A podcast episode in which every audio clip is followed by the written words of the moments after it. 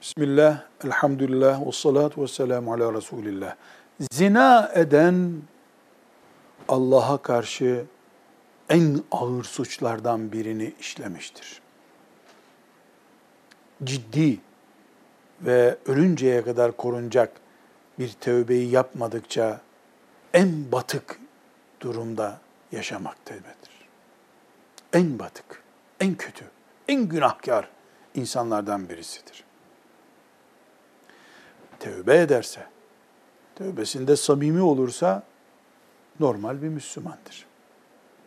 Zina eden, o hataya düşen birisi tövbe etmedikçe temiz bir Müslümanla evlenemez.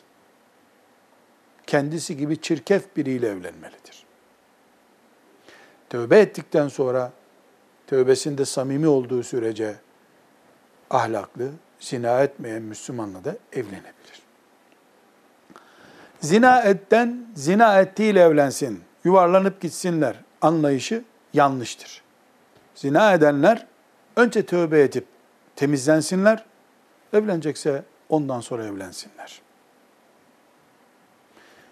Evlilik hayatına depremle başlamak gibi olur bu. Ev yapmadan deprem yapıp temelleri sallamak gibi olur. Önce tövbe.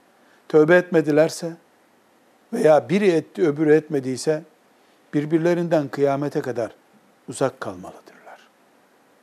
Ama zina eden zinakarlar koğuşuna gitsin diye bir kural yoktur. Zina eden tövbe etsin, temizlensin. Temizlendikten sonra temiz müminlerle bir arada dursun. Velhamdülillahi Rabbi.